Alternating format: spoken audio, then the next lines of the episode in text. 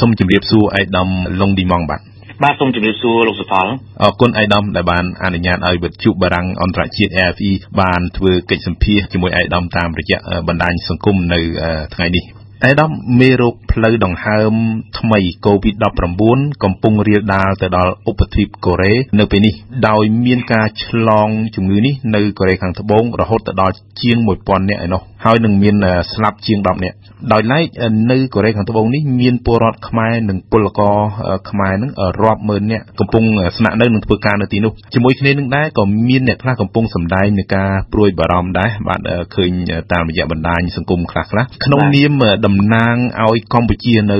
សាធារណរដ្ឋកូរ៉េតើអេដាមឡុងឌីម៉ងមានចំណាត់ការការពារពលរដ្ឋខ្មែរទុកជាមុនយ៉ាងណាដែរអេដាមដើម្បីបង្ការជំងឺនេះបាទ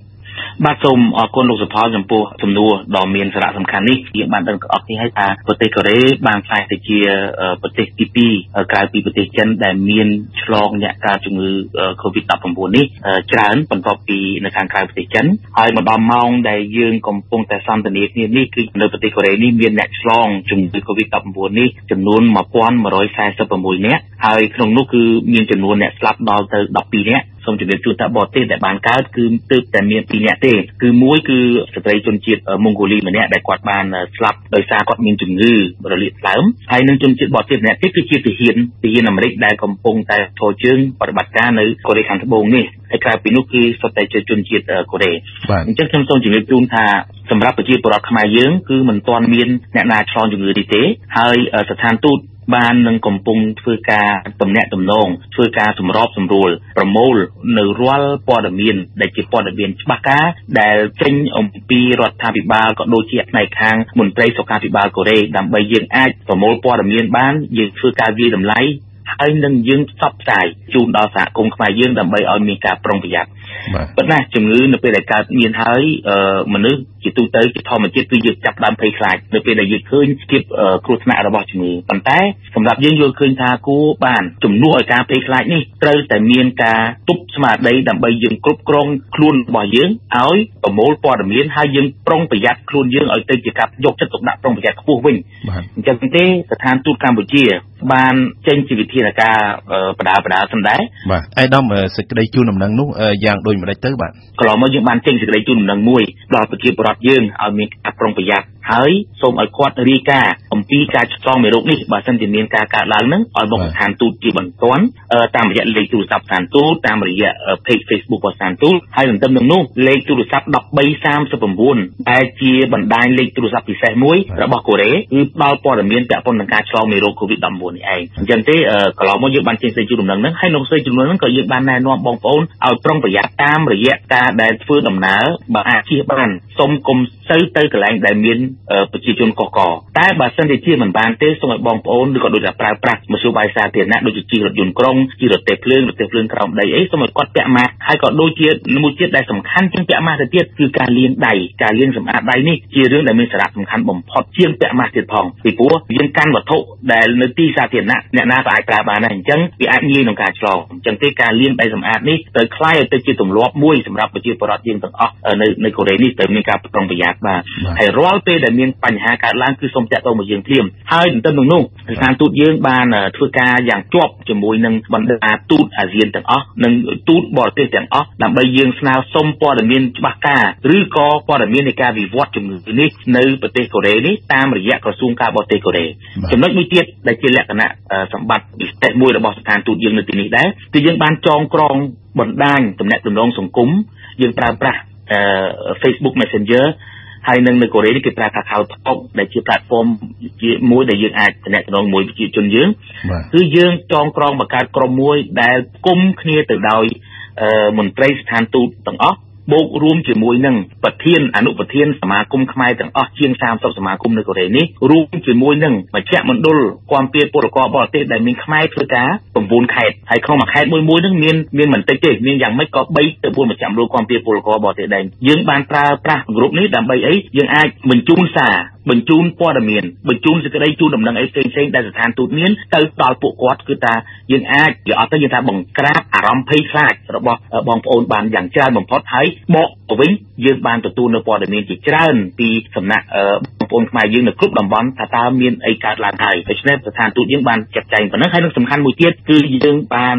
ចាត់ក្រុមការងារព័ត៌មាននិងបដកម្មមហារបស់ស្ថានទូតធ្វើការតាមដាននៅតាមបណ្ដាញសង្គមដើម្បីយើងធ្វើការបកស្រាយចំពោះព័ត៌មានណាដែលបានផ្សព្វផ្សាយទៅមានលក្ខណៈជាព័ត៌មានពិតផងនិងជាព័ត៌មានមានមានចរិតបង្កចលាចលផងអញ្ចឹងយើងយើងបន្តការផ្តតាមរបៀបនឹងផងដែរនិងចុងក្រោយមួយទៀតយើងបានធ្វើការតាក់ទងជាពិសេសនៅតំបន់សប្តាហ៍នេះគឺតំបន់ Tegu ដែលជាតំបន់មានការរីករាលដាលឆ្លងខ្លាំងនេះយើងមានក្រុម task force របស់យើងមួយគឺថាតាមដានជាប់ជាមួយនឹងសហគមន៍ខ្មែរយើងនៅទីនោះរួមទាំងនិស្សិតខ្មែរយើងផងដែរបាទអៃដាមបាទកាលពីប្រហែលថ្ងៃមុនមានដំណឹងលេចឮថាមានពលករខ្មែរម្នាក់ធ្វើការនៅកូរ៉េត្បូងនឹងឆ្លងវីរុស COVID-19 នេះរឿងនេះអៃដាមអាចបញ្ជាក់បន្ថែមទៀតទេថាតើជាព័ត៌មានយ៉ាងម៉េចទៅបាទ បាទតាមពិតជាព័ត៌មានមិនពិតប៉ុន្តែព័ត៌មានពិតនេះមិនមែនមានលក្ខណៈចរិតបង្កចលាចលទេនេះក៏សូមជំរាបជូនបងដែរគឺបងប្អូនយើងនៅទីនេះគឺគាត់មានម្ចាស់ account មនុស្សហើយតែគាត់ក៏ជាសមាជិកនៅក្នុងក្រុមបណ្ដាញទំនាក់ទំនងសង្គមដែលយើងតាមដានរឿង COVID-19 នៅកូរ៉េនេះដែរបាទនៅពេលដែលគាត់បានឃើញព័ត៌មានដែលចែកចាយមកពីហ្នឹងមានពលករខ្មែរម្នាក់ហ្នឹងគឺគាត់មានបញ្ហាទីទុយពាក់ព័ន្ធនឹងដូចថាដូចខ្យល់កជាងចោះហើយគាត់ក៏ក៏បាន call ហៅលេខនៅកូរ៉េគេហៅលេខ119 4គឺក្រុមសង្គ្រោះបន្ទាន់គេមកហើយសម្រាប់ពេលនេះរដូវកាលនេះនិងរយៈពេលកលៈទេសៈនេះក្រុម119គឺគេពាក់អាវសខោសហើយនឹងឃ្លុំមុខឃ្លុំច្រមុះស្រោមដៃចិត្តជាប់ច្រមុះពីព្រោះគេបារម្ភខ្លាចក្រែងលោកមានបញ្ហាចងជំងឺអញ្ចឹងមិត្តភ័ក្តិរបស់អ្នកជំងឺហ្នឹងគាត់ឃើញអញ្ចឹងគាត់គិតថាបែបប្រហែលជាមានជំងឺកូវីដ -19 អញ្ចឹងគាត់ទៅថតទៅបង្ហាញទៅអញ្ចឹងប្អូនប្រុសហ្នឹងគាត់ក៏ផ្សព្វផ្សាយទៅព្រាមថាបញ្ហាកូវីដ -19 អញ្ចឹងធ្វើឲ្យព័ត៌មានដែលមានលក្ខណៈចេញមកប្រាយអញ្ចឹងគឺវាស្ពេតទៅលឿនមែនទែនគឺបងប្អូនមានការបារម្ភប៉ុន្តែជាក់ស្ដែងប្រហែលម៉ោងក្រោយមកនៅពេលដែលគេធ្វើតេស្តជំងឺគាត់ទៅអត់មានបញ្ហាអីហើយគាត់ជាអីហើយបងប្រុសនោះក៏បានបកស្រាយនៅក្នុង account របស់គាត់វិញហើយប៉ុន្តែបងប្អូនអត់ទៅបានចាប់អារម្មណ៍ពីព្រោះអាព័ត៌មានទៅខ្លាយវាទៅមុនបាត់ហើយអញ្ចឹងសូមជម្រាបជូនជាថ្មីម្ដងទៀតថាករណីនេះមិនមានកើតឡើងទេគ្រាន់តែថាបងប្អូនខ្លះបារម្ភតែប៉ុណ្ណោះឯងហើយឃើញមកពេលនេះគឺអត់មានបញ្ហាទេបាទបាទអីដាមអញ្ចឹងការផ្ទុះរាលដាលខ្លាំងនៃមេរោគ COVID-19 នេះនៅតំបន់ក្បែរពលករកម្ពុជារស់នៅឬក៏នៅឆ្ងាយពីតំបន់នេះអីដាមបាទ អឺតាមពិតទៅតំបន់ធីហ្គូបាទនៅក្នុងព្រះវិហារដែលកើតជំងឺនឹងដំបូងបំផុតហ្នឹងគឺស៊ីនឆុនជីនេះគឺស្ថិតនៅក្នុងតំបន់ធីហ្គូទីក្រុងធីហ្គូនេះគឺជាទីក្រុងធំលំដាប់ទី3នៅប្រទេសកូរ៉េហើយដែលមានប្រជាពលរដ្ឋខ្មែររស់នៅធ្វើការនិងនិស្សិតនៅទីនោះក៏មានចំនួនច្រើនដែរខ្ញុំអាចនិយាយបានថាទីក្រុងធីហ្គូនិងតំបន់ព័ទ្ធជុំវិញទីហ្គូនេះគឺមានប្រជាពលរដ្ឋខ្មែរប្រមាណជា77000នាក់ បាទហើយអញ្ចឹងទេសិស្សនិស្សិតក៏ច្រើនទៀតបាទសិស្សនិស្សិតនៅទីគូច្រើនណាស់អញ្ចឹងបងប្អូនសប្តាហ៍នេះគឺវាជាការបារម្ភឬក៏យើងថាចាត់ទុកថាជាចំណុចអតិភិបមួយរបស់យើងដែលយើងបង្កើតក្រុមការងារដើម្បីតាមដានពួកគាត់នៅទីគូបន្តមកទៀតការរីករាលដាលនេះក៏បានទៅតំបន់ម្ដុំប៊ូសានមកដល់ពេលនេះខ្ញុំ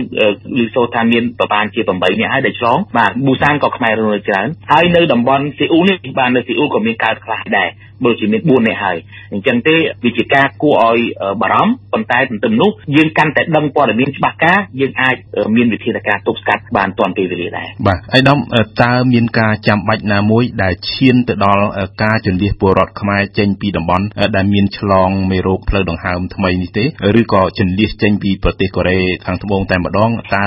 មានភាពចាំបាច់ទេបាទបើតាមលបឿននៃការឆ្លងនៅប្រទេសកូរ៉េពេលនេះបាទអឺសូមជម្រាបជូនថាសម្រាប់ ជាវិធានការរបស់រដ្ឋាភិបាលកូរ៉េនិងអាជ្ញាធររបស់កូរ៉េគឺគ្មានវិធានការក្នុងការជំលៀសឬក៏រើប្រជាជនចេញទេសូម្បីតែនៅក្នុងតំបន់ទីគូដែលជាការផ្ទុះខ្លាំងជាងគេនេះផ្ទុះចេញដំបូងពីតំបន់ទីគូនេះជាដូចជា cluster អញ្ចឹងវាវារីករាលដាលហ្នឹងគឺអាជ្ញាធរកូរ៉េដែលមានលោកអភិបាលក្រុងគាត់មិនបាន ផ្ទុកមិនឲ្យមានការរាំងស្កាត់ចលនារបស់មហាជនទេប្រជាជនធ្វើដំណើរទៅណាជារឿងសិទ្ធិសេរីភាពរបស់គេប៉ុន្តែគ្រាន់តែគេបានធ្វើការផ្សព្វផ្សាយថាបើសិនជាមិនចាំបាច់អ្នកនៅក្នុងតំបន់ទីគូដែលជាតំបន់ផ្ទុះខ្លាំងនេះសូមឲ្យស្ថិតនៅក្នុងផ្ទះជាបន្តអាសន្នសិនបើមិនចាំបាច់កុំចេញអញ្ចឹងទេសម្រាប់ប្រជាពលរដ្ឋខ្មែរយើងក៏ដូចគ្នាដែរបើពាក់ព័ន្ធទៅនឹងកន្លែងរោងចក្រសហគ្រាសឬក៏កសិដ្ឋានដែលមានបងប្អូនខ្មែរកំពុងធ្វើការនេះគឺថៅកែក៏ដូចជានយោជកនៃរោងចក្រសហគ្រាសនោះគាត់ជាអ្នកទទួលខុសត្រូវពីព្រោះគាត់មានតំណែងតំណងផ្ទាល់ជាមួយនឹងអាជ្ញាធរសុខាភិបាលរបស់គេអញ្ចឹងទៅបើសិនជាមានករណីកើតឡើងគេនឹងឲ្យដំណឹងមកយើងព្រាមហើយដូច្នេះបើពេលនេះគឺវាអត់មានករណីដែលតម្រូវការក្នុងការរើចេញឬចូលអីទេស្របពេលជាមួយនេះខ្ញុំចង់ជំរាបជូនថាមានប្រជាពលរដ្ឋខ្មែរយើងមួយចំនួនដែលគាត់ហាក់ដូចភ័យខ្លាចខ្លាំងពេកហើយមិនបានពិចារណាឬក៏គាត់អត់សូវបានតាក់ទងមកខាងយើងគឺបងប្អូនមួយចំនួនកំពុងតែបង្កើតរឿងមួយឬថាគាត់សុំច្បាប់គាត់ចង់សុំបារម្ភខ្លាចរស់នៅប្រទេសមានបញ្ហាគាត់ចង់ទៅប្រទេសកម្ពុជាយើងក៏ប៉ុន្តែការទៅប្រទេសកម្ពុជាយើងនេះវាអាស្រ័យទៅលើច្បាប់ដែលអនុញ្ញាតដោយម្ចាស់រោងចក្រសហគ្រាសនិងកសិដ្ឋានដែលបងប្អូនកំពុងធ្វើការបើគេមិនឲ្យច្បាប់យើងអត់អាចទៅបានទេបាទហើយចឹងបងប្អូនទៅគឺប្រឈមទៅនឹងការបាត់បង់ការងារវិជាវិធានផ្ទៃក្នុងរបស់រោងចក្រសហគ្រាសឬក៏កសិដ្ឋានរបស់គេនេះជាចំណុចមួយដែលចង់ជំរាបជូនដើម្បីកុំឲ្យមានការភ័ន្តច្រឡំថាអាញាធរកូរ៉េរាំងស្កាត់មិនឲ្យប្រជាពលរដ្ឋខ្មែរទៅប្រទេសហើយមិនឲ្យត្រឡប់ចូលមកស្រុកវិញមិនមែនទេដូច្នេះសូមឲ្យបងប្អូនផឹងផ្សែងព័ត៌មានដែលបានច្បាស់លាស់តែមកដល់ពេលនេះគឺមិនទាន់មានតម្រូវការរហូតក្នុងការជំរាបទេហើយខ្ញុំជឿថាក្រមការដឹកនាំរបស់សម្ដេចនាយករដ្ឋមន្ត្រីក្រមការចង្អុលបង្ហាញជាប់ជាប្រចាំរបស់ឯកឧត្តមឧបនាយករដ្ឋមន្ត្រីប្រាក់សុខុនរដ្ឋមន្ត្រីក្រសួងការបរទេសគឺមិនទាន់មានហើយក៏មិននឹងមិនមានវិធីសាស្ត្រក្នុងការជំនះបងប្អូនចេញពីប្រទេសកូរ៉េទេបាទបាទឯកឧត្តមបន្ថែមពីនេះស្ថានទូតកម្ពុជាប្រចាំកូរ៉េខាងត្បូងមានការពន្យល់យ៉ាងណាបន្ថែមទៀតបាទដល់ក្រុមគ្រួសាររបស់ពលរដ្ឋខ្មែរនៅក្នុងប្រទេសដែលកំពុងមានការព្រួយបារម្ភចំពោះសាច់ញាតិនិងកូនចៅរបស់ពួកគេដែលកំពុងធ្វើការនៅប្រទេសកូរ៉េនោះឯកឧត្តមបាទអរគុណជាថ្មីម្ដងទៀតខ្ញុំក៏សូមបញ្ជាក់ជូនថាចង់ឲ្យបងប្អូនប្រជាពលរដ្ឋខ្មែរទាំងអស់នៅកូរ៉េនេះជាពិសេសនេះសូមឲ្យបងប្អូនមេត្តាធ្វើការប្រុងប្រយ័ត្នខ្ពស់ត្រូវការឲ្យបងប្អូនរៀបចំខ្លួនធ្វើម៉េចឲ្យបញ្ជាការភ័យខ្លាចហួសហេតុយើងនៅពេលដែលមានបញ្ហាកើតឡើងយើងក៏យើងឮសូរព័ត៌មានកើតឡើងគឺយើងត្រូវតែម្ចាស់ការក្នុងការការពារខ្លួនឯងជាមុនសិនហើយបន្តមកទៀតគឺប្រែคล้ายភាពភ័យខ្លាចរបស់យើងទៅការទប់ស្កាត់ការរីករាលដាលជំងឺនេះហើយបងប្អូនមានស្ថានទូតកម្ពុជាបងប្អូនមានក្រុមការងារពិសេសមួយដែលបងប្អូនខ្មែរយើងកំពុងតែធ្វើការរួមគ្នាជាមួយស្ថានទូតក្នុងការចែករំលែកព័ត៌មានគ្នាក៏ដូចជាការចែករំលែកនៅវិធានផ្សេងៗក្នុងការទប់ ស្កាត់បញ្ហាជំងឺនេះដែរអញ្ចឹងទេសូមឲ្យបងប្អូនរក្សាលំនឹងចិត្តធ្វើការនិងប្រកបជីវភាពប្រចាំថ្ងៃទៅតាមអ្វីដែលរដ្ឋាភិបាលកូរ៉េអាជ្ញាធរកូរ៉េកំពុងតែបន្តបើគេឲ្យផ្អាកយើងផ្អាកតាមគេបើគេឲ្យយើងបន្តធ្វើការគឺយើងធ្វើការតាមគេនេះជាចំណុចមួយចំណុចមួយទៀតចង់ជម្រាបជូនទៅដល់បងប្អូនដែលជាសាច់ញាតិក្រុមគ្រួសារមិត្តភ័ក្តិនៅប្រទេសកម្ពុជាដែរសូមឲ្យបងប្អូនមេត្តាជ្រាបថានៅទីនេះគឺយើងមានស្ថានទូតកម្ពុជាដែលបាននឹងកំពុងតែសស្រាក់សស្រាំធ្វើការជាប់ជាមួយនឹងអាជ្ញាធរនិងរដ្ឋាភិបាលរបស់កូរ៉េដើម្បីធ្វើការតាមដាននៅរាល់ការវិវត្តនៃការរីករាលដាលឆ្លងជំងឺនេះក៏រួមទាំងត្រៀមវិធានការសំខាន់សំខាន់ផ្សេងទៀតក្នុងការដែលបញ្ជាកុំឲ្យមានបញ្ហាកើតឡើងក្នុងករណីដែលមានបញ្ហាកើតឡើងជាយថាហេតុមួយដែលយើងមិនចង់ឲ្យមានប៉ុន្តែបើសិននៅក្នុងករណីនេះក៏យើងមានសេណារីយ៉ូរបស់យើងត្រៀមរួចរាល់អស់ហើយក្នុងការធ្វើការសម្របសម្រួលនិងតាក់ទងដល់បន្ទាន់ជាមួយនឹងអាជ្ញាធរក៏ដូចជាជាមួយនឹងមន្ត្រីសុខាភិបាលកូរ៉េដើម្បីធ្វើយ៉ាងណាតាមដានការវិវត្តជំងឺរបស់ប្រជាពលរដ្ឋយើងនោះបើសិនជាមានការកើតឡើងបាទដោយអស់ពេលជាថ្មីម្ដងទៀតខ្ញុំសូមថ្លែងអំណរគុណដល់អេដាមលងឌីម៉ងដែលជាឯកអគ្គរដ្ឋទូតវិសាមញ្ញនិងពេញសមត្ថភាពរបស់ប្រទេសកម្ពុជាប្រចាំនៅសាធារណរដ្ឋកូរ៉េដែលបានចំណាយពេលវេលាដ៏មានតម្លៃផ្ដល់នូវកិច្ចសម្ភាសដល់វិទ្យុបារាំង AFE យើងខ្ញុំបាទសូមអរគុណនិងជម្រាបលាឯកឧត្តមបាទបាទសូមអរគុណនិងសូមជម្រាបលាលោកសុផលនិងសូមអរគុណដល់វិទ្យុបារាំងអន្តរជាតិ RFE សូមអរគុណបាទ